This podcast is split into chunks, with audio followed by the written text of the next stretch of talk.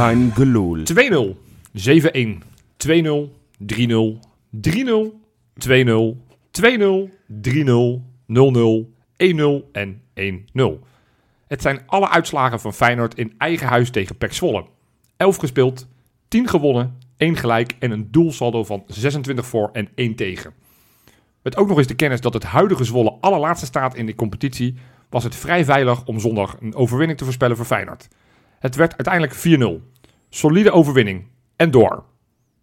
Toch niet. Na de wedstrijd ging het namelijk amper over de pot zelf, maar werd er vooral gesproken over het woord kampioenskandidaat. Ingeleid door een kleine verspreking van Slot werd het gespreksonderwerp van de dag de vraag of Feyenoord nu wel of geen kampioenskandidaat was. Van Hanegem vond in het AD dat we op basis van de eerste helft wel kampioenskandidaat zijn. Marciano Vink en Kees Kwakman vonden bij ESPN dat we nog geen echte kandidaat zijn. En Van der Vaart wilde er bij de NOS niks van weten en gelooft niks van de titelkansen van Feyenoord. Heel eerlijk, het kan me weinig bommen wat de buitenwacht besluit wat het nu wordt. De gemiddelde Feyenoorder weet echt wel dat we niet de Polonaise hoeven te lopen na een thuisoverwinning tegen Zwolle. Die overwinning is namelijk zo goed als een zekerheidje. Laat ons maar lekker genieten van de huidige prestaties. Het feit dat kampioenskandidaat discussie überhaupt gevoerd wordt, is al een dik compliment. Zeker als je weet waar we vandaan komen. Dus terwijl de mediamannetjes uitvechten of we nu wel of geen kampioenskandidaat zijn, richt ik me veel liever op Arne Slot en zijn staf. Arne, bedankt voor de geweldige ommekeer van onze favoriete club. Ga vooral zo door. Dan zien we vanzelf wel of we kampioenskandidaat zijn. Dat is de aftrap van een gloedje nieuwe Kangeloel. Ja, je was me bij die eerste zin een beetje, eh, was ik het helemaal kwijt. Ja, in wat. Dat je je wachtwoord aan het opnoemen was of zo. Nou, dat zou dan wel een heel lang en complex wachtwoord zijn. Maar het is misschien wel een idee voor de inspiratie. Want ik had het niet zo scherp dat wij eigenlijk zo makkelijk en zo dik altijd van Zwolle wonnen. Maar dat, ja, je zag het aan de resultaten. Ja. Dat ging eigenlijk heel erg eenvoudig. Thuis, hè? Thuis, ja. Ja. Thuis, zeker. Maar goed, we gaan het in deze podcast uiteraard over die wedstrijd in Zwolle. En nog heel veel meer hebben met mijn, ja, mijn, mijn companen. Ik zit hier met Rob. Ja, goedemiddag, avond, ochtend. En ik zit hier ook met Robin. Vrienden van mij. Vrienden van jou. Ja. Ja, Ik, had de eerste, wel, dit is de eerste keer volgens mij, sinds heel lang in ieder geval, dat ik naast Robin eh, zit. Fysiek. Ja. Ja. Ja, hartstikke leuk Ja, trouwens. als je eigenlijk de put onder Misha opentrekt en heel diep graaft, dan kom je mij tegen. Ja. En daar is hij. Ja, Ja. ben, je, dan ben jij er nog een keer, maar ik, Ja, zie, hier- ja. ik zie hier een, een klapblok nou, dat is niet Moet je niet zeggen, dan kan het alleen maar tegenvallen. Oh. Ja, er zijn heel veel aantekeningen gemaakt. Per minuut en die zijn onder andere gemaakt over de wedstrijd tegen PEC Zwolle. Eh, eh, Ja. Voordat we inhoudelijk die wedstrijd induiken, was ik even nieuwsgierig. En dan richt ik me met name toch richting Rob. Mhm. Van ja, eh, niet in het stadion. Hoe, hoe was je gevoel vooraf rondom het feit dat we dus niet naar het stadion mochten? Nou, heel eerlijk, ik ben er best wel verdrietig over. Ja, Maar, maar oprecht. ja, Het is geen, er zit geen overdrijving in. Ik, ik, ik, en dat weten de me- meeste mensen die ons wel eens luisteren natuurlijk ook wel. Dat ik echt een, eh, voor mij is het echt een dag en een moment in de week. eh, de, de Kuip, Varkenoord van tevoren. De gezelligheid, de vrienden die ik dan weer zie. Die ik, eh, en mijn oom die ik dan weer even kan spreken.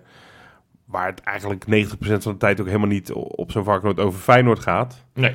Maar gewoon Het staat gewoon centraal voor de ontmoeting van je, fijne lekker, mensen om je heen. lekker op Tuurlijk, de tribune staan, tuurlijk. biertje drinken en dan naar de Kuip en, en, en daar weer verder. En hopelijk, nou ja, dit seizoen zeker vaak heel leuk Feyenoord kijken.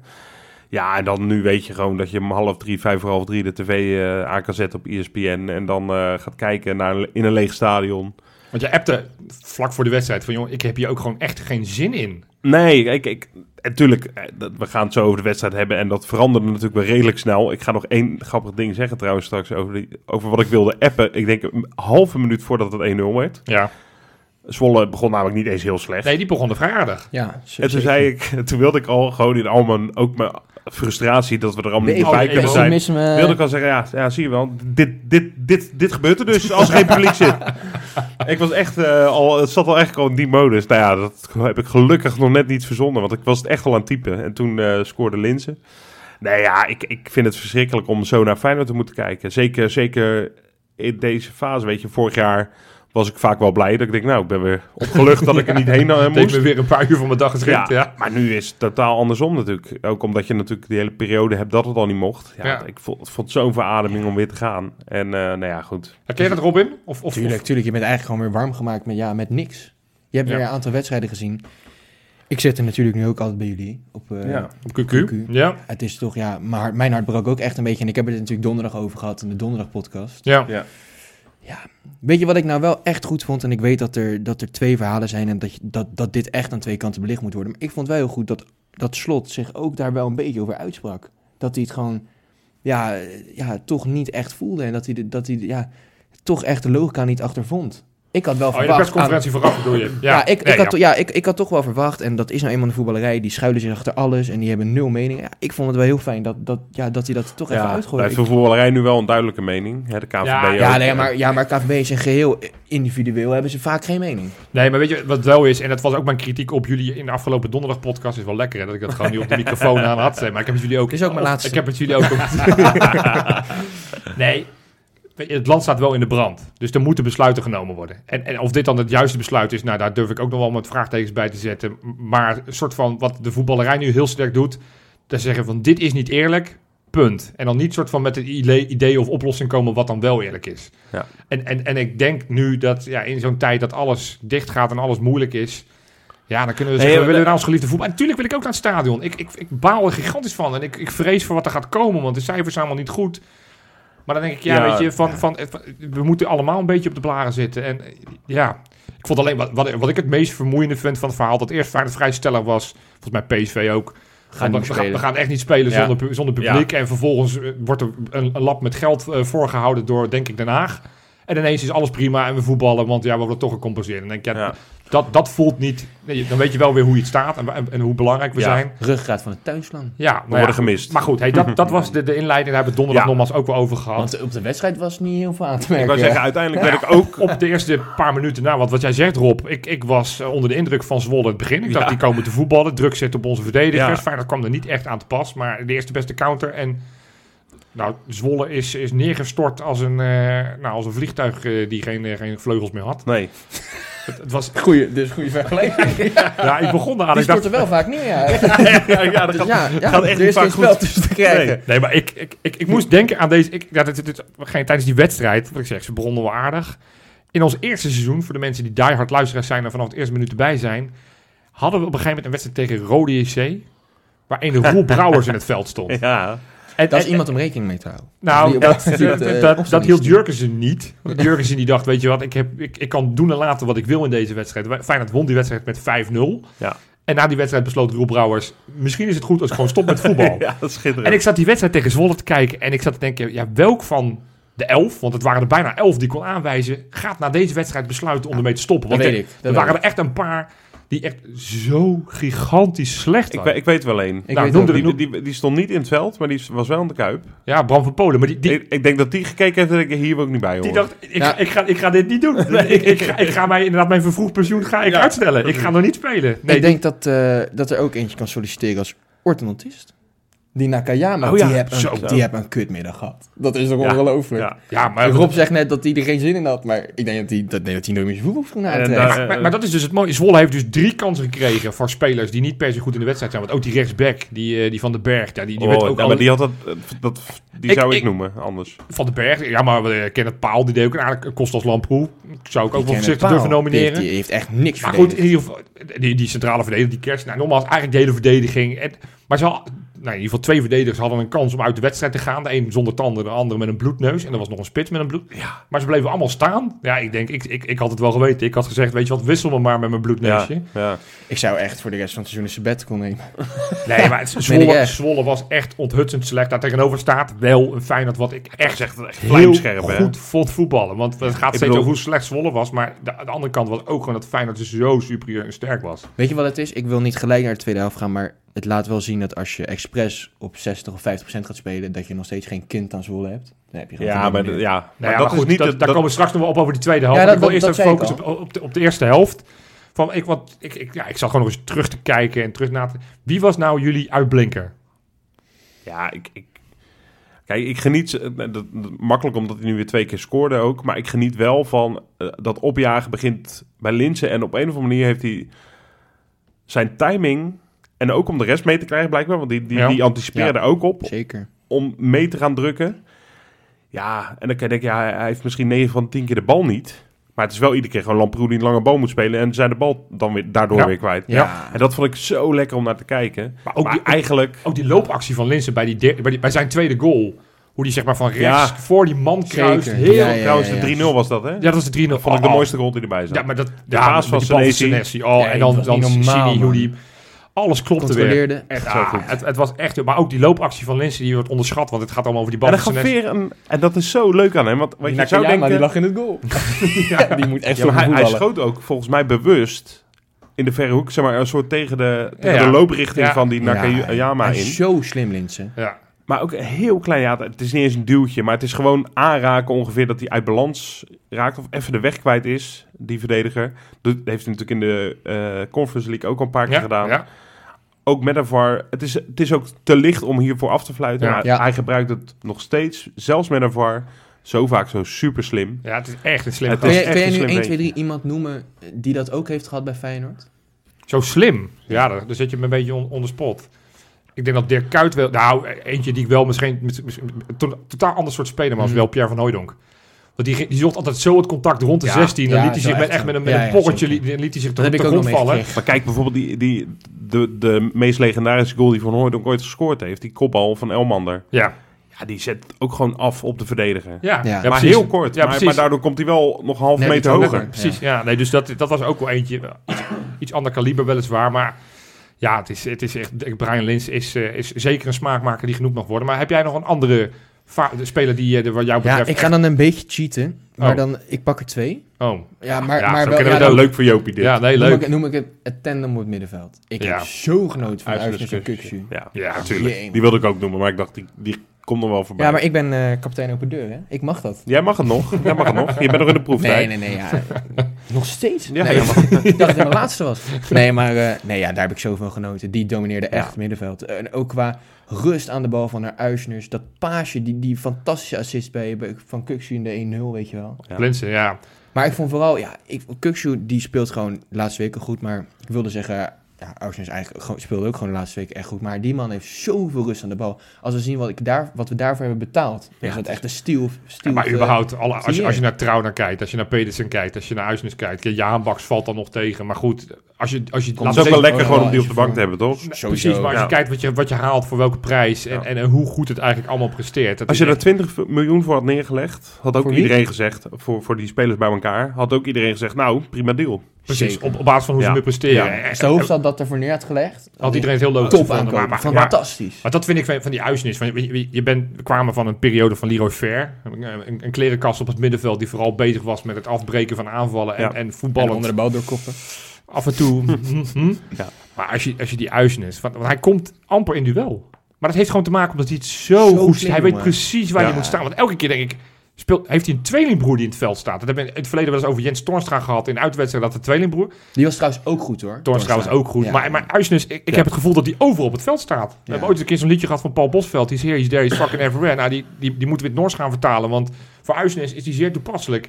Hij is echt overal op het veld. Ik, ik geniet gigantisch van hem. En ja, die andere man die jij noemt, Kukcu, honderdste wedstrijd. Ja, Dat- is, 20 jaar. eh, zou nog gewoon volledig in onder 21 mee kunnen draaien met, Ja. zijn, met zijn leeftijd. Dat is, om, even dat is aan, toch bizar hè, als je dat beseft. om aan te geven hoe, eh, hoe, hoe goed hij is en hoe, hoe, goed zijn, eh, zijn piek omhoog is. Maar ik zat even, ja, gewoon een vraag aan jullie. Wat, zijn- wat is zijn beste wedstrijd in Feyenoord shirt? Want hij heeft er nu 100 eh, achter zijn naam. ja.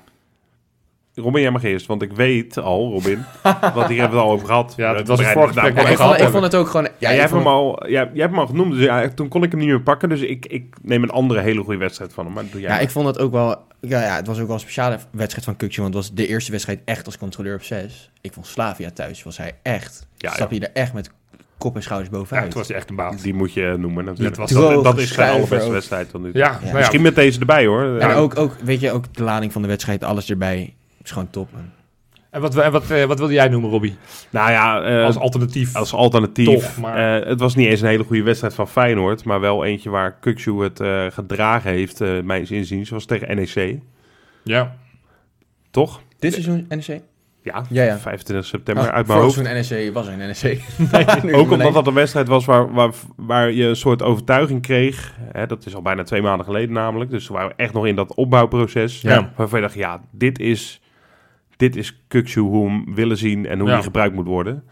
En ook dus het, het besef dat, dat, dat Slot dat bij het goede eind had. Ja. En ik vind sowieso, Maar ook complimenten aan, aan Kukçu zelf. Hè? Want, Zeker, de, want de man. inhoud die hij nu heeft ten opzichte van vorig het jaar. is zo'n... Het, het, het contrast kan niet groot. Je kan ook echt, als je maar onder spot zou vragen... welke speler heeft binnen een, nou niet eens een jaar... maar binnen een paar maanden zo'n transformatie doorgemaakt... ik zou niemand kunnen noemen. Jan-Arie van der Heijden. Ja, de andere kant op. Nee, die ging zeg maar van het eerste seizoen naar zijn tweede seizoen. Was, Oh ja, was dat is ook waar. een totaal andere speler. Maar oké, Maar Kukzu echt, Ja, echt het- hij, hij, is, hij lijkt best wel nu op, op Uisnes, hè? Qua, qua handelingssnelheid, qua ik, ik, positionering. Ik, ik had het net over Paul Bosveld. Ja, voor Kukçu gaat het ook op. Hij Ja, dat is echt zo. Ja. Maar je, hebt- je het hebt veld. ook, weet je wat het ook is? Je hebt echt veel spelers die, die de- echt vertikken, hè? Een linie naar achter. Ja, Ja. maar ja, Je maar moet ik- het, ook, het is ook echt mentaal, moet je het echt En, en accepteren. het is ook weer een compliment richting Arne Slot. Dat hij toch hem het inzicht heeft gegeven. Van, Zeker. joh, ja, je moet meer gaan lopen. Ja. Je moet verdedigend Ja. wat meer gaan doen. Maar dit is wat jij kan gaan worden. En ja, ik denk dat hij nu nog interessanter is voor Europese topclubs. Ja, maar, Want een voetballer Nou, op die je- positie met die leeftijd. En als je ook ziet hoe hij nu bij Turkije aan bezig is. Maar, ik, maar ja, ik, Nou. ik heb namelijk ook nog een antwoord op die vraag die ik net zelf stelde. Het is een beetje Ja. een flauw antwoord. Maar wat is nou de beste wedstrijd van Kukçu? Ja, ik, ik ga hem gewoon maken. Zijn volgende. Want ik heb het gevoel dat ik elke week... Mooi, anders het diep Zo. ook. Goedemorgen. Nee, maar het is... Ik, wat, Werk jij bij de gemeente? ja, ja, ja. nee, maar het is elk, elke wedstrijd denk ik van... Hij, hij- hij, hij is weer beter dan vorige keer. Ja, en en, en, en nou, die lijn dit seizoen, het is, het is echt waanzinnig. Het is Ja. echt, echt sick. Ook wel weer spannend, omdat je denkt, ja, waar, waar eindigt dit? Want het gaat, natuurlijk, er gaan ook wedstrijden Er dat ook minder... wedstrijd dat het wat minder Ja, wordt. Of dat, dat, dat, er dat, dat, er een tegenstander zegt, we gaan, we gaan hem vol eh, verdedigen dat hij niet alles kan. Want nu, ja, deze wedstrijd was ook lui, ja, het was echt lui lekker land voor hem. Want hij kreeg alle ruimte om te doen en laten wat hij Ja, wilde. Het was echt Tuurlijk, tuurlijk. Vorige wedstrijden was hij ook fysiek, stond hij ook echt zijn ja, mannetje. nee, dus eens, ook als eens, hij wel eens. in een hele kleine ruimte moet. eens. Hey, dan toch, ja, de, de, de, de vraag die ik ook aan jullie wil stellen. Van ja, de eerste helft hebben we zitten genieten. Ik vond Feyenoord echt heel goed. Ja. Tweede helft denk ik dat menig mensen in slaap zijn gevallen. Dat was echt niet Nou, goed. ik heb nog een paar... Nou, niet goed. Ik heb nog... Dat was... Nee, dat klopt. Het was echt niet goed. Maar, Kijk, maar de eerste helft was vlijmscherp, zodanig. Eh, alles lukte natuurlijk ook. ja, Dat, ik vind het... Hè, we hebben dan al snel een handje van om dat aan de tegenstander eh, te linken. Van ja, maar ja, Zwolle was ook heel slecht. Was ook zo, maar ik denk wel dat het met, het, met elkaar te maken heeft. zeker. Zeker. Maar ik denk serieus dat menig chef-kok jaloers is op zulke vlijmscherpe eh mes, messen, hoor. Qua aanval. Mooi, mooi, Dus ook- mooi. Jee, mooi, blijf wat, ik wel wat, echt wat gaan we achter, diep. man. Wat een mooie beeldspraak Nee, maar dat is toch zo? Nee, maar het is... Het is En de tweede helft, ja. En, en, en dat is... Zwolle wil echt niet meer incasseren in de tweede helft. Dat begrijp ik ook nog wel. Dus die speelde ook best wel wat anders. Ja, wel, en dat, is, dat is wel mijn angst, want dat hebben we natuurlijk dit seizoen vaker gezien. We, Ja. noemen, we noemen RKC. RKC'tje, ja. hoor. We pakken, wat is er nog meer naar, naar, naar Rotterdam gekomen? Sparta uit. Nou, natuurlijk die eh, gewoon ook, ingegraven. eh, de- ja, deze wedstrijd was precies zeg maar, wat je wel moet doen tegen Feyenoord en wat je niet moet doen. Als je tegen Ja. Feyenoord denkt van lekker voetballen, nou, dan kom je vijf minuten leuk mee. Dan heb je eerst best de counter, lig je, lig je Ja. achterover op je gat en dan is het klaar. Maar als je je ingraaft, dan, dan merk je toch dat Ja. Feyenoord... Ook al heb je met die bal met Texera op de paal en, en nog een is kansje volgens mij. Dus ja, ik, Het is een mag ik het zeggen? ja. je mag alles Die zeggen. viel leuk in. Die viel van, de, van alle invallers, was, was, Was- was dat de enige voldoende. De rest Ja. was allemaal niet heel best wat Ik inviel. vond het ook wel tof wat, wat hij achter, hadden- ja, achteraf het is een vriend van de show. Dessers allemaal moeten Dessers? afleggen, hè? Ja, Ja, ja. op. Maar Slot zei ook... Ik, ik, ik snap dat je in die fase voor je eigen kans gaat. Ja, En eh, waarschijnlijk had hij bij 0-0 misschien ook nog wel afgelegd ook. Ja, En dat is ook zo. Hè? Je staat al 4-0 voor en die tweede helft, ja, dan kan je zeggen, ja, dat is hoe je het moet doen tegen Feyenoord. Maar als het 0-0 was gestaan, denk ik dat Feyenoord misschien toch al gewoon een doelpuntje had gemaakt alsnog hoor, in de tweede helft. Dan had je anders gevoetbald. Nu was het al een soort van een beetje met de handrem, want een paar dagen later moet je... Precies. En, en, en dan zeg je wat Robin, wat jij net zei, weet je, dan zie je dat je bent op 60%. Met, met dit, dit, dit Feyenoord dat je op 60% tegen een Zwolle, maar zoveel Zwolles heb je in de, in de Eredivisie helaas niet meer. Nou, maar vergeet ook Want die niet, gaan, die gaan echt keihard uit. En, dat eh, denk ik ook. ja denk ik ook wel. Maar ze hebben ook wel dit seizoen, hebben ze tot de 85e minuut voorgestaan in Eindhoven. Eens? En Zo, AZ, AZ. nou, behoorlijk goed gespeeld. Ja, Eh, eens. Dus, dus eh, ze hebben wel laten zien dat ze wel iets meer kunnen dan Ze dit. zouden die Art Langeler moeten aantrekken. Ja, dat zou- zou een goeie zijn. Ja, Nee, maar ehm er viel mij één ding op de tweede helft. Mag ik nou één tuurlijk, tuurlijk. En daarna gaan we naar de bakens. Ja. Mij viel het op dat Malasia heel veel op het middenveld was in de tweede helft. Ja. En vooral in de as ook. Ja, maar, Ja. Maar, maar daar ga ik straks in item 2 nog wel wat over vertellen. Ja. denk ik. Want daar eh, heb ik wel wat interessante dingen over. Leuk zeg, leuk. Maar voordat we daarheen gaan, gaan we eerst naar de bakens. Bakens in de vette. Ja, jongens, want op nummertje 3 staat een speler met een zwolle bij Feyenoord. Eh, zo- eh, eh, nee. Met een Zwolle bij Zat hij Feyenoord. opgezwollen bij Feyenoord? Ik denk wel dat ik nu al weet wie je bedoelt. Nou, ro- roep hem maar dan. Erik Botteguin? Die staat inderdaad deze week op nummertje 3. heeft met zijn Ascoli gewonnen tegen Pordenone met 0-1. Maar wat belangrijker was, was een post die hij op Instagram na de wedstrijd zei. Was het namelijk dat het zijn 500ste wedstrijd was in het betaald voetbal. Netjes. Dus ik dacht, nou hartstikke leuk. Ik ben het even gaan onderzoeken. Klopt niet. Nee, ik, ik, ik, ik kom er 22 tekort. Want ik, ik ben eens even gaan tellen. Zwolle, Dat 142. jij dat ook weer op gaat zoeken. NAC 67, Groningen 84, Feyenoord 172 en nu Ascoli 13. Dat zijn er samen 478. Hij heeft nooit in Brazilië op het hoogste niveau gespeeld. Maar in, in- hij heeft nooit in het ja, nationale maar dat kan toch wel betaald voetbal zijn, Brazilië? Ja, maar heeft hij niet... Ja, maar goed, je- Als je oh, het tweede niveau is er ja, ook betaald voetbal. Ja, ja, dan kan je ook oefenwedstrijd mee gaan tellen. Zo, dat, nee. Ja, ik weet het niet. eh.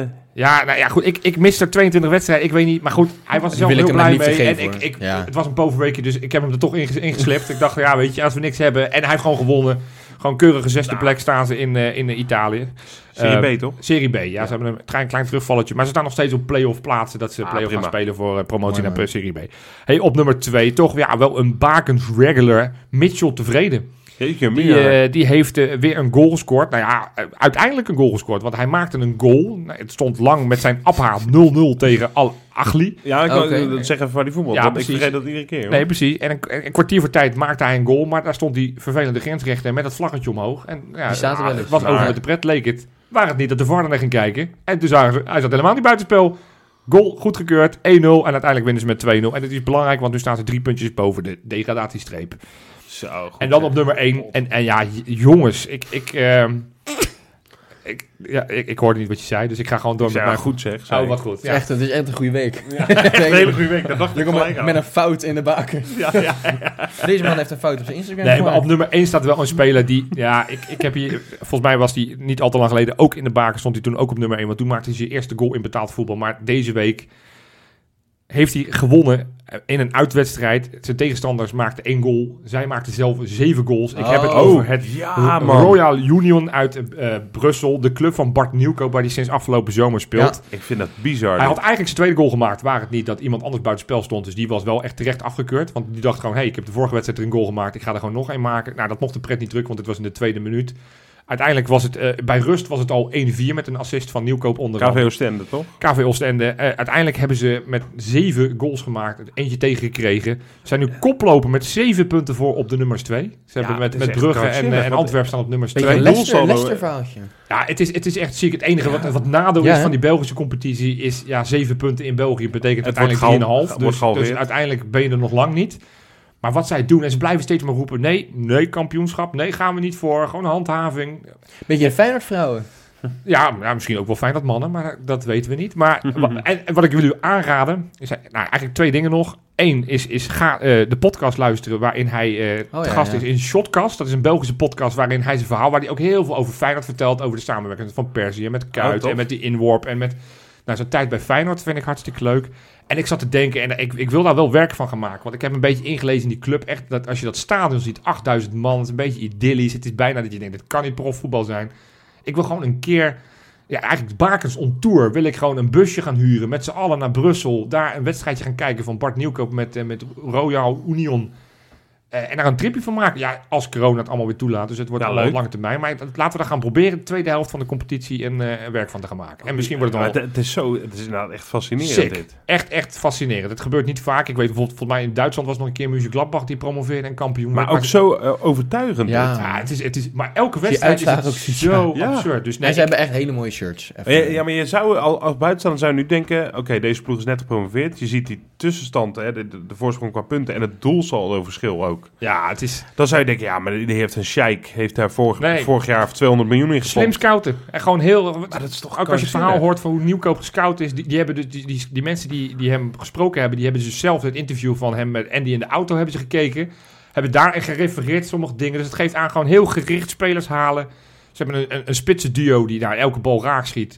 Enige hoop voor hun is dat ze in de winterstop niet, eh niet leeggetrokken worden. Want dat is natuurlijk altijd wel gevaar met kleinere clubs, met kleinere budgetten. Ja, die krijgt ook niet zo heel veel. Eh, dus ik, dat is het enige wat ik voor ze hoop. Maar het is echt een sprookje. En ik hoop dat dit sprookje nog heel lang duurt. Afgelopen weekend stond er een artikel op Rijnmond. En nou, vrij lang artikel, zoals ze wel vaker doen. En dit keer ging het over ja, eigenlijk eh, de nieuwe werkwijze in de jeugd. En hoe ze die willen doortrekken van het eerste naar de jeugd. Daar hebben we het volgens mij een paar weken geleden Ja. hebben we het over gehad. Toen hadden Ja. we nog geen eh, stukken gezien, alleen maar een soort van aankondigingen in de hand in hand. Ja. En nu dachten we, ja, laten we het toch maar weer eens gaan hebben. Al was het alleen maar omdat, eh, nou ja, Misha en ik zijn vorige week op audiëntie geweest. We zijn op uitnodiging geweest van, eh, van Koen Stam, die, die luisteraar van de podcast. Leuk dat je luistert, Koen. En die, eh, die zei eh, van, joh, Kom Koen een anders... enorme beer. Nee, maar die zei, kom anders gewoon eens even, kom eens gewoon hier een dagje meelopen en kijken van, eh, van wat, waar we allemaal mee bezig zijn. Dus het verhaal wat, wat Rijmond opgetekend heeft, ik dacht, hé, hey, daar herken ik heel veel dingen van. Want diezelfde presentatie heb ik ook zitten kijken met Misha. Maar dat was een, een zeer interessante, lange, fijne eh, rondleiding van Varkenoord. Maar nog veel belangrijker soort van eh, uitleg van waar ze nu mee bezig zijn. Daar heeft, eh, heeft Koen Stam en consorten hebben daar heel veel tijd voor genomen. Dus ik dacht, van, nou, het is toch wel weer interessant om dat toch maar weer eens te gaan bespreken. Zeker nu we meer, veel meer inhoud hebben gezien en veel meer weten van waar ze mee bezig zijn. Ja. Jullie hebben het artikel ook gelezen. Is er iets wat jullie opgevallen is, waarvan jullie denken, hey, dat is interessant om, om te bespreken? Nou ja, na- naast de vele moeilijke Engelse benamingen van alle beroepsrollen die, die de drie ja, heren die centraal staan in het stuk invullen. Koen want die Stam wat- is Head of Methodology. Methodology. Rini Kolen, Eh, Head of the Academy. ah, ja, Ja, ja, ja. dat noemen we gewoon de hoofdopleidingen, maar oké, ja, ja. nee, via Sportsology. Dus, ja, dus eh, wil ja, dat ja. de- En Raymond van Meen is Head of Operations. Ja. dus alles waar de bal niet aan te passen Dat, vind Ja. ik, dat vond ik trouwens leuk, dat viel me op. Hij is dus ook helemaal met die opleidingen van die eh, jeugdspelers bezig, hè? Met Ja, de studies. Met de studies bedoel je? Ja, zeker. Ja. En ik ja, nee, ik, ja, ik vond het... Wat wil je zeggen, vriend? nee, niks. Ja, wel, maar ga jij maar. Ik Nee, ja, ik vond het echt, een- echt een onwijs interessant stuk. En ik, weet, ik heb natuurlijk al een aantal dingen van jou gehoord. En ik hoop dat je die lekker gaat bespreken in dit item. Alleen ja, ik, ja ik, ik, ik, ik heb altijd het gevoel gehad dat vooral... En dat is een hele slechte vergelijking, dat weet ik ook. Maar met oog op ja, PSV en dan helaas ook de hoofdstedelingen. Dat we toch wel echt vies achterliepen. Ja, op het gebied ja. van, eh, van innovatie en op het gebied van eh, de jeugdopleiding in, in, in zijn geheel. Ja. En dat daar nu wel echt hele mooie stappen naar worden gezet. Ja, en ik snap dat ook wel. Hè, dat je, het is vaak zo, je, je moet inzien dat het op een gegeven moment niet meer werkt. Ja. Dan moet Ja. je, je kom, op een gegeven moment kom je op een punt. Nou ja, voor, voor mij was dat eh, dat wij volgens mij, ik weet niet meer welke periode dat was, ieder jaar ongeveer die eh Rinus Michel Ja. Awards eh op voor de beste jeugdopleiding. En dat je dat ook al jarenlang, dat we daar niet meer voor in aanmerking kwamen. Ja, En dat dat voor, voor mij als supporter een moment was dat ik denk, oeh, zo goed doen we het niet meer. Nee. Langzamerhand. dan helpt het niet dat er stukken in het NRC komen, in het AD de afgelopen jaar, Nee, waar, die niet per se positief waren. Disney docu. eh, Stanley Doku, Bart Stanley Bart niet. met wat mailtjes ging ook niet per se de Nee. goede kant op. Dus, dus Maar- de, opleiding kwam wel in, het, in een kwaad daglicht. en uiteindelijk is dat denk ik heel erg goed geweest. Ja, Ja, zeker. Want daardoor werd noodgedwongen Stanley Bart op straat gezet. Want dat kon natuurlijk niet dat meer. was niet meer houdbaar. Nee. Ehm, en ehm, met, het, met het inschakelen van dat Sportsology, nou ja, daar is dit ook wel weer een resultaat voor het vloeisel van. Ja, En wat ik het interessantste vond over het algemeen, eigenlijk eh, dus geen specifiek ding, maar dat over alles werkelijk bijna eh, welke stappen, letterlijke stappen jeugdspelers zetten op het complex, dat er ongeveer over is nagedacht. Ja. De weg eh, van, van de kleedkamer naar het ja, veld, ja, dat, dat dat, dat wat langer is gemaakt, ja. zodat je een spanningsopbouw hebt. het feit van, zeg Ja. maar, In plaats van op het oude Varkenoord waar je zo plop van de deur van de kleedkamer zo op het hoofdveld stond. Ja, Eh, dat er heel veel van glas is. Dat het logo, heel, een intens groot logo van Feyenoord, heel goed zichtbaar is. ja. Dat eh, De- de, de- de- geblesseerde spelers revalideren en die, die kijken uit op trainingsveld, zodat ze de binding houden. Weet Met je het ook is? Dat, dat, stond, dat, dat stond niet in dat artikel, maar dat vertelde Koen Stam tijdens zijn rondleiding. Van de kleedkamers. Elk team heeft zo zijn eigen kleedkamer. Ja, Mm. Maar die zijn zeg maar eh, zo, eh, die, die lopen op zeg maar. Dus de eerste kleedkamer is, nou, laten we, weet ik veel, de onder 8. Maar dat loopt op en dat is, loopt op richting de Kuip. Met- het idee van dat ze elk jaar dichter bij, fysiek dichter Echt bij die. Kuip komen. Dus de, onder, dus de onder 21 kleedkamer zit het dichtst fysiek gezien bij de Kuip. Ja, en de onder 8 natuurlijk het vers, zeg maar. ja. Nou, dat, dat soort dingen, daar is, het, het, het, het lijkt allemaal dat je denkt, jezus, het slaat niet zo door. Maar, maar als je Maar als je het in alles doorvoert, als je, heel vaak hebben ze het erover. In de topsport gaat het over die procenten. Ja. Nou, dit kunnen wel die procenten zijn. En iets wat je ook, en dat, vond, dat, dat vertelde Koen Stam ons in die, in die rondleiding ook. Overal hangen van die schermen. En nou, dat vertelden ze ook in dat artikel. En dat vertelde Koen ons ook. Van, van dat, je, dat ze trainingsweken. Hè, dat hebben ze be- besloten. Ja. Die, die weken lopen niet van wat je zou denken van maandag tot zondag. nee, donderdag, Donderdag tot tot woensdag, toch? Ja, met die, we- met die wedstrijd die staat dan in het midden. Maar dat is gewoon feitelijk een onderdeel van die trainingsweek. Dus Ja. als ze op, op woensdag en donderdag hebben geoefend op, ik zeg maar wat paasvormen, dat ze dat dus zaterdag als testmoment willen zien van hoe gaan we dat doen. Ja. Dat het dus ondergeschikt belang is dat je wint. Daar kom ik straks nog op terug. Maar ook in zo'n trainingsweek waarin de hele academy hetzelfde traint. Dat kan dus echt van alles zijn. Dat kan pressen zijn, dat kan balbez... Nou, ja, en, enzovoort, enzovoort. Dan zien ze natuurlijk op die schermen worden die hele week beelden van Feyenoord zelf, maar dus ook van, van voorbeeldclubs. Hè. Denk aan City, denk aan eh, Atlanta, Atalanta Bergamo. Dat ze gewoon daar beelden van laten zien van wat, wat, ze willen, wat ze willen zien, wat ze beogen om uiteindelijk te krijgen. Dus dat betekent al dat je gewoon door het complex loopt. Dat je gewoon op vier, vijf, zes verschillende plekken al beelden ziet waarvan je denkt, hé, hey, oké, ja, Daar nu moet ik snap, letten. Ja. dan, dan is het ook een soort van, ja, weet je, automatisch dat het soort van in je hoofd komt te zitten en dat, je, dat het normaal begint te worden. Ja. Confronteren is de hardste, maar ook de beste manier van leren. Ja. Ja, maar Ja, als je het op, een- op wordt een subtiele, speelse manier doet, door de middel van, feitelijk door dat beetje in, ja, gewoon continu daar mensen mee kennis te laten maken, Ja. is dat denk ik een hele natuurlijke manier. Dus dat, daar was ik heel erg onder de indruk van. En, en, en wat ik daardoor, en dat, is, eh, dat, dat was eigenlijk de belangrijkste oproep die Koen Stam aan ons deed, van ve- ventileer dat ook in de podcast. Ik zeg, nou, volgens mij is het ook een taak aan jullie zelf als Feyenoord. maar als je, als je dat vertelt van die, zeg maar, Hoge die, van, van die, nee, van die trainingsweken, als je, dat- als je dat goed Ja, weet, man. dat betekent dus, op het moment dat je een hele week bezig bent met een bepaald onderdeel van het voetbalspelletje, maar je moet dat weekend met de onder 16, moet je wel tegen Ajax spelen. Maakt en, je, niet uit. En, en je verliest 0-4, dat wij heel erg snel de paniekknop drukken. Want als je kijkt naar de resultaten van Feyenoord dit seizoen in alle klassiekers in de jeugd, staan we er niet zo goed op. Nee. We hebben, ze- volgens mij hebben er één gelijk gespeeld en de rest allemaal verloren. Ja. Maar als je het doorvertaalt, dat je zegt van ja, we zijn bezig met zeg maar, het lange termijn verhaal. Ja. Ja, en dan, dan is het wat minder erg dat je in dit geval bij een onder 16 een keertje verliest. Op het moment dat uiteindelijk die, die dingen die je getraind hebt wel goed zichtbaar zijn. En Ja. dat kan dus betekenen inderdaad, ik zeg maar wat, maar dit verzin ik zelf hoor. Dat je een speler, want dat willen ze natuurlijk ook opleiden. Een speler die eigenlijk altijd centrale middenvelder is geweest. Dat je zegt, wij zijn nu bezig met ook dat je op multiposities eh, inzetbaar zijn. Mhm. Ja, Dat je dan probeert, nou tegen Ajax proberen we eens een keer een, eigenlijk een, een van oorsprong centrale verdediger spelen. Linksbuiten. Dat we, nou, linksbuiten. Ja, ik snap het. Dat, je, dat, je, dat kan natuurlijk wel effect hebben op de resultaten. Ja. Ja. Eh, kortom, er wordt, er wordt overal over nagedacht. En dat dacht ik, ja, daar word ik wel heel blij van. En, Ja, en in dat principe zeker. Zeker. is wel lang termijn, want dit ga je natuurlijk niet, de resultaten ga je niet binnen een jaar nu zien. Nee. Nee, en ik... ik, Maar ik- het past ook wel, sorry, maar het past ook natuurlijk wel bij de nieuwe wind die Feyenoord en de nieuwe koers die we nu zijn ingeslagen, hè, ook met het slot. Zeker weten. En we hadden het natuurlijk toen met Anouk eh, Boshuizen eh, er ook al over. Ja, ging eigenlijk over een heel klein stukje van dit. Waarvan ik toen dacht, nou, daar gaat het om, dit hele plan. Ja. Eh, dat gaat vooral om de manier waarop we trainen, waarop we oefenen. ja. Ook bij de vrouwen speelt het, hè? niet alleen Ja, bij de nee, jeugdelftallen.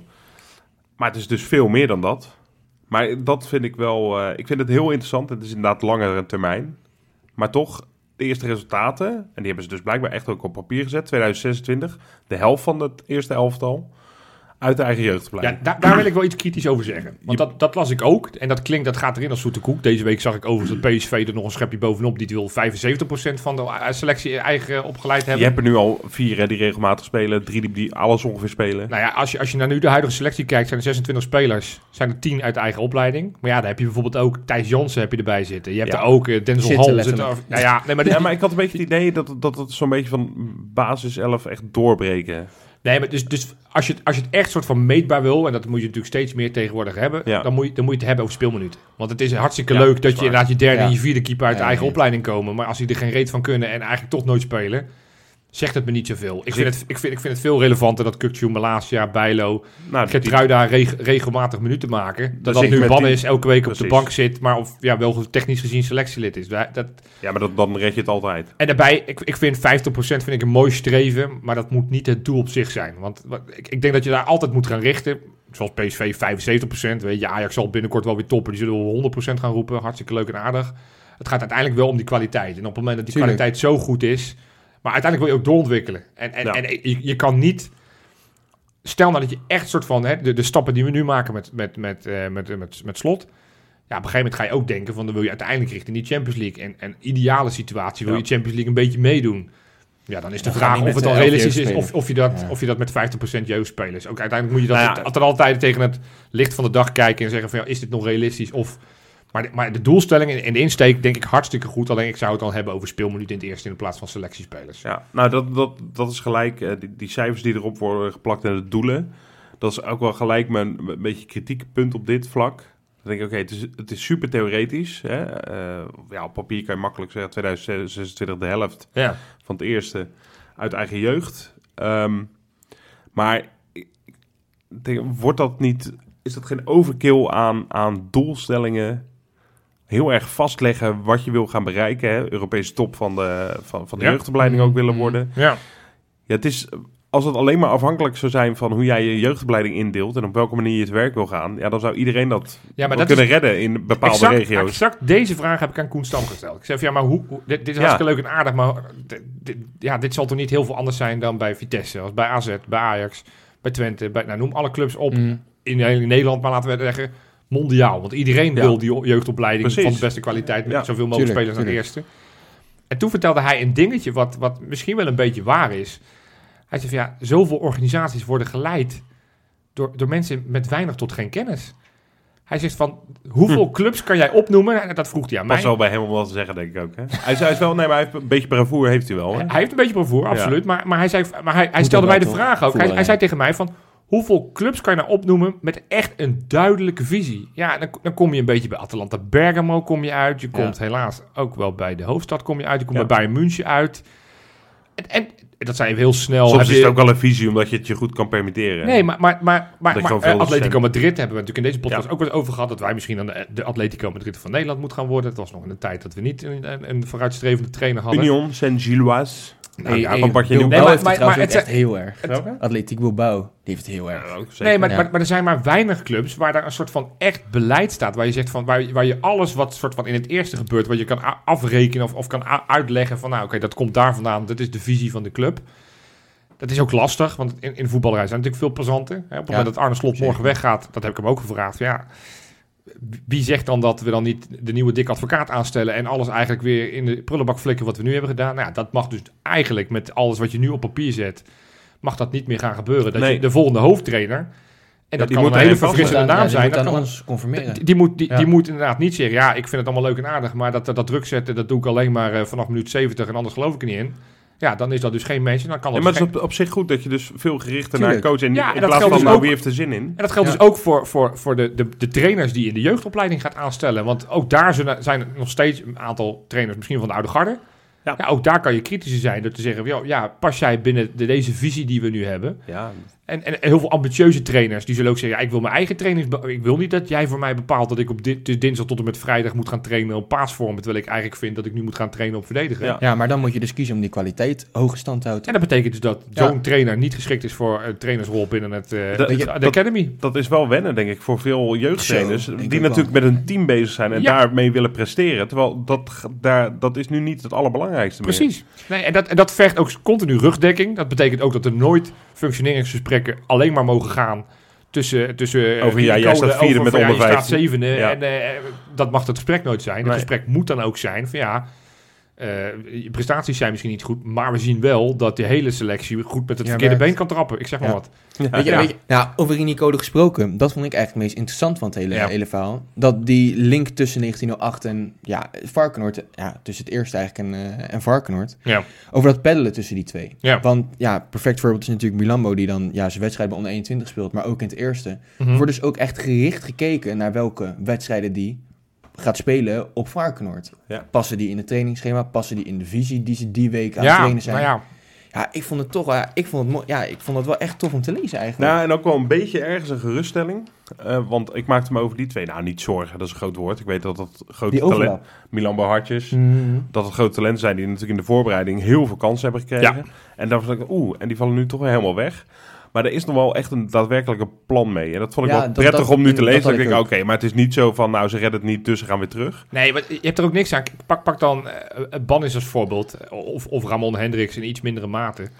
Ja, die, die, die komen er aan het eerste niet echt in, in, in aan te pas. Zeker Bannis. Die is, Nee. die is feitelijk nu derde spits. Ja. Dus die, dus die Die gaat er trouwens wel elke week. eh, ja, daar gaan, we, daar gaan we het ook nog over hebben, over de onder 21. Maar, dan, maar dan, ja, weet je, dan kan je hem heel kunstmatig alleen maar, zeg maar op die bank bij het eerste houden. Onder het motto van ja, we willen je bij dat eerste hebben. Selectie. ja. maar, maar, maar hij speelt nu welke, elke week onder 21. Dat doet hij het hartstikke goed. Ja. Hij houdt hij toch zijn ritme. Ja, Dus ook daar met dat soort spelers. maar er wordt dus echt voor elke speler wordt er een individueel wedstrijdprogramma gemaakt. Hè? Ja, Ik wist, ik En, wist en, echt dat, niet en dat, is best, dat is best lastig, want als ik soms die opstellingen zie van onder 18 of onder 21, want ik bedoel, Shiloh Zand, groot talent, ja, die doet er nooit mee met onder 21. Nee. Maar ja, op die positie staat Milambo of staat... Dus dan, omdat Ja. hij toch hem ook weer laten willen voetballen, up, doet hij de onder 18 mee. Nou ja, dat kan, omdat hij die leeftijd nog heeft. Nou, hetzelfde geldt met, eh, met een, een lievelingetje van mij, Guus Baars. Die speelt eigenlijk al zijn wedstrijdjes onder 18. Volgens mij zit daar ook het idee bij, omdat daar het niveau over het algemeen net wat hoger is. Want daar spelen ze wel tegen Ajax, PSV, Ja. eh, Utrecht, die natuurlijk bij de onder 21 niet meedoen, omdat die al in eigen competitie spelen in de keukenkampioen-divisie. Kortom, ja, ik, ik, ik word reet enthousiast van het bezoek aan Varkenoord, ook van het artikel van Rijmond. Ja. Wat een dingetje wat ook aangestipt was, waar ik het ook met jullie nog wel even wil over hebben, is de invoering van data. Ja. Want daar hebben volgens mij eh Koen Stam, eh, Misha en Daar moet het- je, hè? Of Varkenoord. ja, dat, dat bleek. Nou goed, ik heb ook niet te veel gevraagd van hoe was het allemaal vroeger. Dat, want dat geloof ik allemaal wel. Maar ik vond het veel interessanter van hoe gaan we er nu mee om. Ja. En wat ik, ze- hij- heeft me heel kort een tabel laten zien. En, ik, eh, eh, en eh, daar, daar mocht ik niet te veel over uitklappen. Want dat is natuurlijk eh, bedrijfsinformatie en geheim enzovoort. Maar wat Dus laten we het in de podcast Nee, nee, nee. nee, nee, nee, maar ik, ga, ik ga de inhoud niet, niet delen. Maar ik ga wel vertellen wat, wat de strekking van wat ik daar zag. Wat ze doen is... eh, we hebben het over Kelvin Nijenhuis gehad, hè? De, de, de, Ja. de Ja, speler die de de vorige, de vorige Academy... 15, eh, toch? Die in, eigenlijk onder 13 is. En Ja. eh, alles ra- raak schiet in de... 20 goals al. Maar hij Precies. speelt, hij speelt onder 15, toch? Ja. Ja. Ja, oké. Ehm, wat, ze- wat, wat bijvoorbeeld bij heel veel van die spelers, en dat zeker met jeugdvoetbal is natuurlijk heel veel van belang, is dat ze aan het begin van het seizoen doen ze een meting. Wat is nou je fysieke leeftijd? Van, Hmm. hey, je, je kan zeg maar op je paspoort zijn dat je 14, maar de ene 14-jarige heeft al het lichaam van een 16-jarige en de andere 14-jarige heeft het lichaam van een 12-jarige. Ja. Dan kan je, eh, wat je vaak ziet, het Castanjos effect, van die, die schoot in de jeugd alles raken wat hij wat die maar raak kon schieten. Maar dat is gewoon omdat hij fysiek was die sterk, hij was snel. Ja. Op een gegeven moment is dat voordeel weg. Ja. Dat zie je nu een klein beetje bijvoorbeeld met eh, Ilias El Moussoui bij, bij eh, de onder 18. Ja, dat, dat, dat, dat, dat, haakt, dat, dat, dat stookt nu een beetje. Dat, Ja. dat ontwikkelt zich niet zoals we allemaal hadden gehoopt en allemaal verwacht. Omdat misschien nu dat fysieke voordeel al een beetje aan het kwijtraken is. En dat hij nu ineens alle tegenstanders worden groter, sterker. En dan is dat weg. Ja. Dus ze meten dat allemaal. En, en hij zegt van, daar halen we zoveel informatie uit. Van, daardoor kan je ook gericht trainen. Dat je zegt, ja, leuk en aardig, eh, weet ik veel, speler X. Hij zegt van, ja, die, die is eigenlijk qua lichaam eh, onder, onderontwikkeld. Dus die, moet, die gaat nog groeien. We verwachten nog dat die gaat groeien. Maar als je daar die techniek goed van krijgt, ja, dan, dan krijg je natuurlijk een sensatie. Dan kan je gewoon Ja. inschatten wanneer iemand piekt. Ja, dat, dat, dat is natuurlijk super tof dat ze dat soort informatie Ja. hebben. En hij zegt ook, dat betekent ook gericht, dat zagen we natuurlijk ook in Disney-documentaire. Ja, weet je, als je een Kostas Lamproetje in je jeugdopleiding hebt, een keeper waarvan je weet, die gaat niet langer worden dan 1,70 meter, Ja. dan kan je Ja, zeggen, we houden daar heel lang aan vast. Ja. Maar we kunnen ook zeggen, ja, die, die, die plek, die, die, die, die, die ruilen we dan in voor een speler waarvan die wel potentie heeft Ja. om 1,98 meter te worden. En uiteraard ook de kwaliteiten van een Feyenoord-keeper. Ja. Dus Weet ook wat- daar gaan ze nu veel gerichter op scouten. Vet hoor. Ja. Dat, dus dat, soort- dat soort dingen vind ik echt ja, super tof. En, en, en het gaat wel een langer, langer ademverhaal worden. Want dit is niet allemaal in één, één zomer Nee. allemaal Nee. eh, doorberekend en doorgedaan. Maar het lijkt me wel, eh, en eh, nou, Koen Stam is echt een liefhebber. Ook nog, hè? buiten dat hij zijn werk volgens mij wel aardig doet. Vindt hij het ook ontzettend leuk, anders Ja. worden we niet zo- zomaar lekker uitgenodigd. Precies. Hij vindt het dus ook heel leuk om te vertellen. Ja, Het lijkt me wel nu op Varkenoord, alles gloedje nieuw, alles met eh, Ja. enorm diepere lagen, nou, waar we het net al over hadden, de kleedkamer, welke richting die opgaan. Lijkt wel feest om daar te werken nu hoor. ja het is... Het is Als het, het je het, vak is. het- het- het- het, eh, ik kreeg ook echt het gevoel van dat hij het heel erg naar zijn zin had. En dat hij eh, zijn ei er wel in kwijt kon. Ja. En, eh, en dat, dat hij nog, nog, nog lang niet klaar is, maar dat hij eh, wel zijn tanden erin zet. Ik wil dat even één klein leuk dingetje benoemen, want we hebben Raymond van Menen niet genoemd. Nee, Ja. en- en- Ik vind het toch wel heel leuk. Hij heeft dat geïntroduceerd met Spelen van de Maand. Hier, Academy Ja. Spelen van Ja. de Maand. Nou, hij moet Over binnenkort eens komen vertellen. Kelvin Nijhuis was de eerste. Ja, we hebben, een, we hebben een nieuwe nieuwe. Oma Gundus. Allemaal Gunners. Ja. Na knieblessure, nou, knieblessure, een knieblessure, Ja, terug. weer terug. Ja, Ja, Ja. ik vind dat, ja. En dat hebben ze ook gedaan hè, om, ja. om, de, om het, zeg maar, om eh, de overlap tussen 1908 en het eerste. Ook, weer, Duidelijk. ook daar Ja. weer die connectie te maken. Ja, nou, hartstikke leuk. Soms, soms zit hij wel eens bij een van ons in de tram. Oh mijn goodness. Ja, hij komt, hij komt er wel eens in Maasluis. Ja, Ja. Ah, lekker in de Leuk. trein, hè? Ja. En, en ik heb hem netjes gefeliciteerd, hè? Kijk, hartstikke leuk. Hey, Dus als, we toch, als we binnenkort- toch gaan feliciteren, moeten we ook nog ja, een hele grote felicitatie. Het is een brug. Ja, het is een brug. De onder 21. Want we, hebben, we zijn in, Oh, ja. deze, in deze podcast Nou. zijn we ook heel kritisch geweest over het onder 21 team. Wat echt pijn aan ons oog deed. En waar we eigenlijk van dachten, ja, dit, dit, dit willen we niet eens Feyenoord noemen. Zo slecht was het. Maar ja, wat er de laatste weken gebeurt. Ze zijn inmiddels vier wedstrijden ongeslagen. Hebben ze, hebben, winnen ze alles dik en ruim. Dit Ja. weekend moesten ze spelen tegen NEC in eigen huis. Wonnen ze 4-0. Ja. Ik, eh, ik, ik heb die wedstrijd zitten kijken in hoeverre dat zichtbaar was. Want nou, die camera die Feyenoord gebruikte, het was eh, alsof er een, een filter overheen zat. Alsof het een eh, storm... eh, Al die storm- camera's hangen al in Varkenoord, eh begrepen. Ja, dat, En dat die het. schermen, Ja, mooi, precies. Is dat het? Dat wordt daar wel goed uitgezonden. Geld is op. Even naar kijken. Geld is op. er zat een soort van Halloween filter overheen. Het was heel donker en duister allemaal. Ik dacht, ja, dit kan Wel leuk Ja, thema. leuk. Ja, ja. Ja, maar in ieder geval, de- wat ik kon zien was, eh, was moest Feyenoord voetballen en, en werd, werd ja, echt heel Dat goed heb je gevoetbald. kunnen zien. Oké. Het, deze speelde echt heel goed. En, en, natuurlijk helpt het, want Bannis speelt nu elke week mee. Achterin speelt Hendrik speelt elke week mee. Antonucci doet, eh, doet mee. Goed hoor. Eh Balde mag, eh, mag daar natuurlijk daar meedoen. Ja, Doet ook wel aardig, hè? dat- dat- Ja, wisselend. Weet je, hij heeft af en toe geniale acties, maar dan is zijn voortzetting weer slecht of zijn keuze slecht. Feyenoord had echt met 8-9-0 kunnen winnen als ze iets beter in de, in de laatste paas waren geweest. Maar de speler die ik er met name wil uitlichten, ik heb eh, echt gigantisch genomen van Lennart Hartjes. Die, die was zo Ja. aan het beest op het middenveld. Die was zo aan het strooien en aan het verdelen en aan het draaien, aan het kappen. En ik, ik vond hem echt geweldig spelen. En nou ja, de, de tussenstanden leken er even op dat Feyenoord nog een serieuze kans had om op de- toch die winterkampioenschap, wat hartstikke belangrijk is. Want dan hè, speel je uiteindelijk voor die play-off Ja. voor, eh, voor de tweede divisie. Nou, uiteindelijk eh, won Almere City toch in de slotfase wel hun wedstrijd. Eh, ze hebben nu nog vijf wedstrijden te gaan. Zes punten voor op, eh, zes verliespunten achter op Almere City. Dus normaal gesproken wordt, wordt dat lastig. lastig. Mo- Moeten die nog tegen elkaar? Nee, hè? Nee, die hebben elkaar Ja. al twee keer gehad. En, maar, wat belangrijker na dit weekend, want da- daar was in, in eerste instantie dus de vrees voor. De degradatiesteep staan we acht punten boven. Dus Ja. da- da- dat, dat, dat stukje hebben we denk ik wel afgesloten. En we kunnen nu langzaam aan dit team bouwen en uiteindelijk dan toch spelen voor die tweede divisie. Geen tijdmachine deze week, want aanstaande donderdag spelen wij een oh zo belangrijke wedstrijd in en tegen Slavia Praag. Voordat ik met jullie de, ja, de voorspellingen en, het, en, en de verwachtingen ga bespreken en überhaupt hoe we in die wedstrijd staan, dacht ik ga even nog kort jullie meenemen wat de stand is. Ja, graag. Hè? Want wij staan op 10 punten, Slavia staat op 6, Maccabi staat op 4 en Union staat op 3. Nou, die laatste twee spelen natuurlijk tegen elkaar. Dat- Wij moeten uit naar, eh, naar Tsjechië, waarbij eigenlijk de simpele conclusie, een punt is genoeg voor die eerste plaats. En dus overwintering en dus eh, ontlopen Ja. van die tussenronde. Heerlijk. Wat heb ik gezegd hè Johan? Ja, jij hebt vanaf dag 1 steeds gezegd, die credits moet ik je geven van Feyenoord gaat eerste worden in die pool. Ik heb steeds gedacht, nou, hartstikke niet leuk en aardig met je, maar dat gaat hem echt ne- never nooit worden. Nou, we, we liggen in, eh, op koers, Koers hè? maar gaan we dit weekend, nou wat zeg ik, deze donderdag, een puntje pakken. Ja, even wat dit, dwars, eh, Zo dan moet je, ja, zo moet je dwars, stel ik we hebben dit. een bakje kruidnoten op tafel. Voor de fans. Ja, ja. Nee. nee, maar ja. Hoe heet het? Slavia verloren van Maccabi. Verloren van Feyenoord. Alle twee in de uitwedstrijd. En ze hebben gewonnen van Maccabi thuis. En gewonnen van Union thuis. Ja, Ja. daarom. Dus je kan concluderen dat ze thuis vrij moeilijk te verslaan zijn. Ja, Ja. Dat, is, dat is een conclusie die je zou kunnen trekken. Als, je, als, je, als je het reeksje kijkt van de afgelopen weken, dat is eh, best wel bijzonder en in- indrukwekkend wat ze, wat ze gedaan Zo. hebben. Ga jij hem zeggen? Ja, want ze, nou ja, ze verloren dan nog in Israël. Daarna hadden ze nog een gelijkspelletje tegen Sutske Budjovic. Ja. Oké. En daarna wonnen ze met 1-0 tegen Sigma Daarna verloren ze het met, sorry, wonnen ze met 2-0 tegen Victoria Pilsen. Daarna wonnen ze met 1-0 van Maccabi Haifa. Daarna wonnen ze met 0-5 tegen Pardubice. En daarna wonnen ze met 5-0 tegen Jablonek. Dus vijf wedstrijden hebben ze al achter elkaar de nul. Ja. Waarvan zowel thuis als uitwedstrijden. Ja. Er zijn een paar Tsjechische laagvliegers zitten ertussen. Maar goed, ik, ik noemde daar ook bij Victoria Pilsen. Dat is altijd wel een aardige ploeg. eh. Zeker. Oh, En Europa Jablonek, eh, Nou, eh, Jablonek staat de derde laatste. Dus die doen Oh, dit echt? seizoen niet heel die goed. hebben wel de play-offs eh, toch tegen AZ, geloof ik. Ja, dat klopt. Maar Ja. die, in de competitie gaan die nog niet als een trein. Nou, dat doet het Maar niet. in ieder geval, het geeft, het geeft wel weer dat, dat die ploeg eh, toch de vorm wel een beetje weer gevonden heeft. Weliswaar in Tsjechië, maar goed, dat moeten we ook wederom niet Maar onderschatten. ze hadden toch, ja, en ik, ik, ik wil echt niet te positief worden. Eh, al ben ik het wel, dus ik moet het echt een beetje onderdrukken. ja. Maar toen wij thuis tegen Slavia moesten, hadden ze ook een hele Ja, indrukwekkende reeks. Hadden ze, hè? hadden Ja. ze een, een soortgelijke reeks waarin ze al Ze waren lang niet echt hadden gewonnen. een Ze hadden jaar niet ongeslagen verloren, of zo. ja. Ja.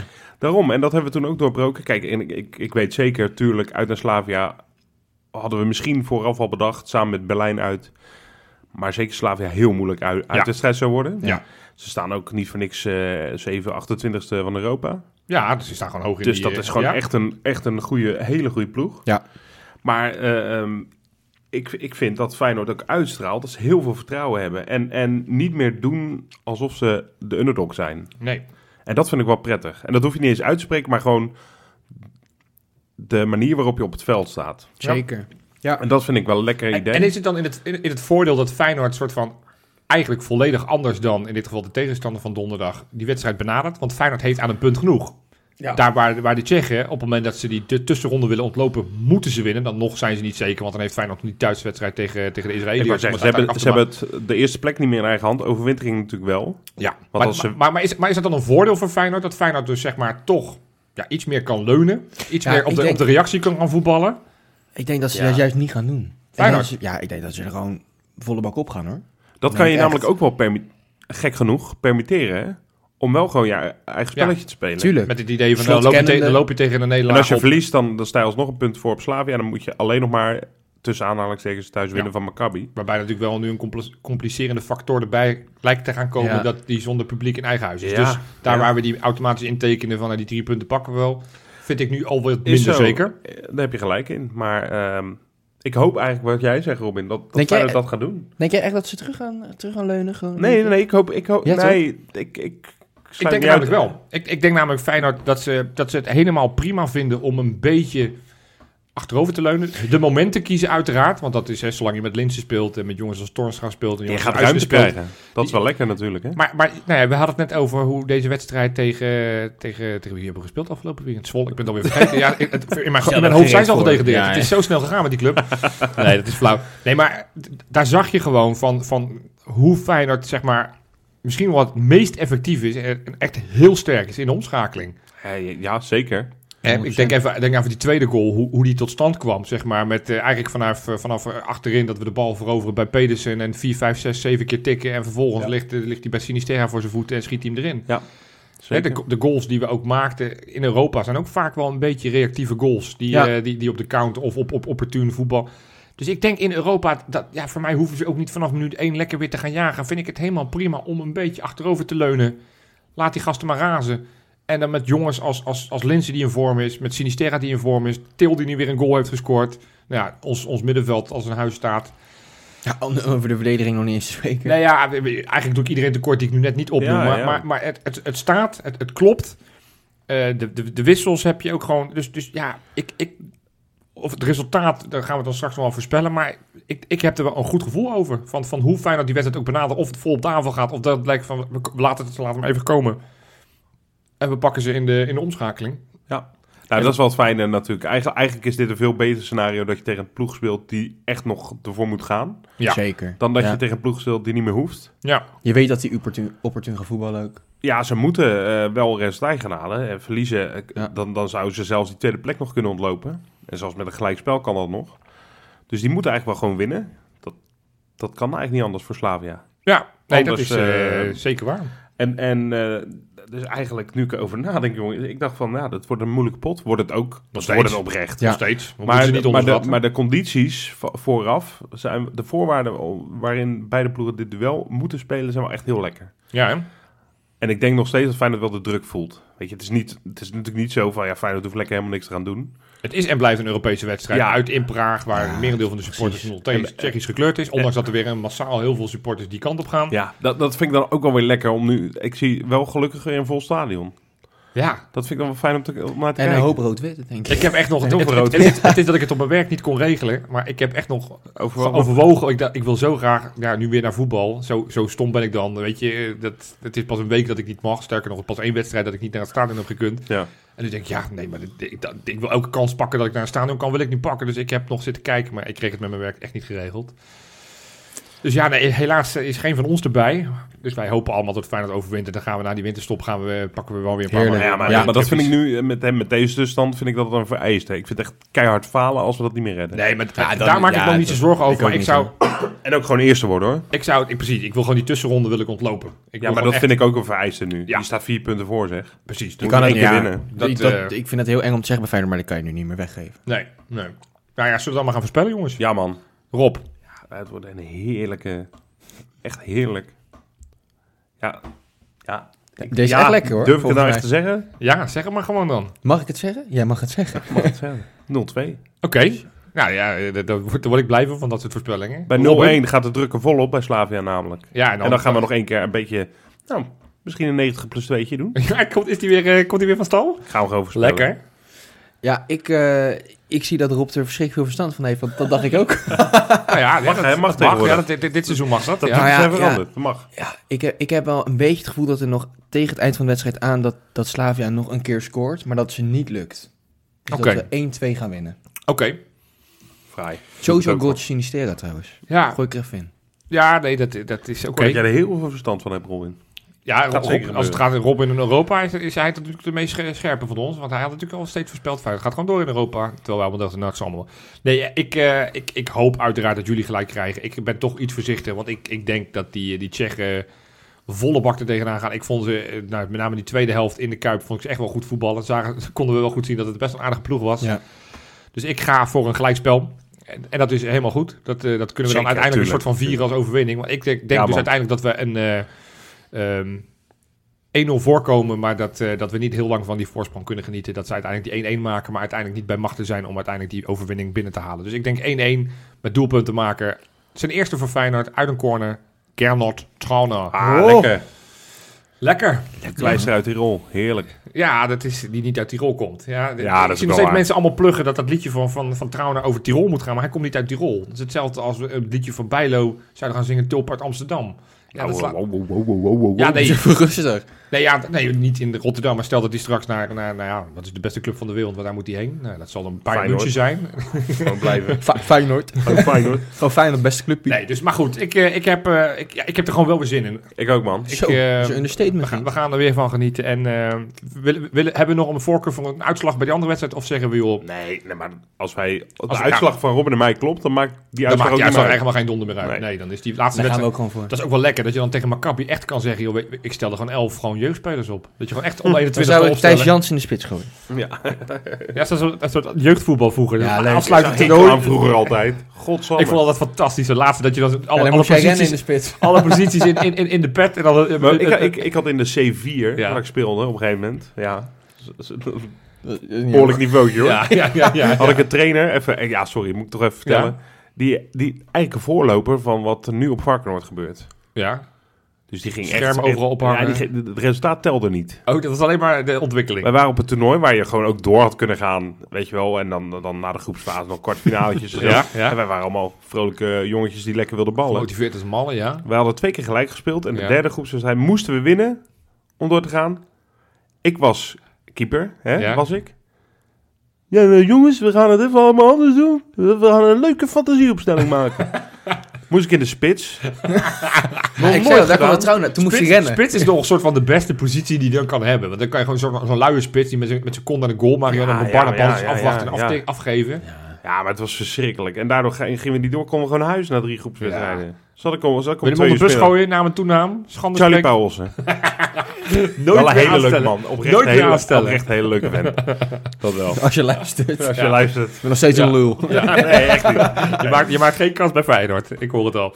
Goed. Hey, eh, ja, onze, onze huishoudelijke mededeling zoals elke week. We, he- we hebben weer patronen. Niet zoveel als vorige week. Maar dat kon elkaar niet anders. Want toen waren we 2,5 uur bezig met patronen Toen opnoemen. hadden we er 28, nu 2, maakt 30. Maakt Mooi 30. getal, Rondgetal. Mooi. Oh, ja, ja, mooi. Ja. Nou, heb ik, zijn het?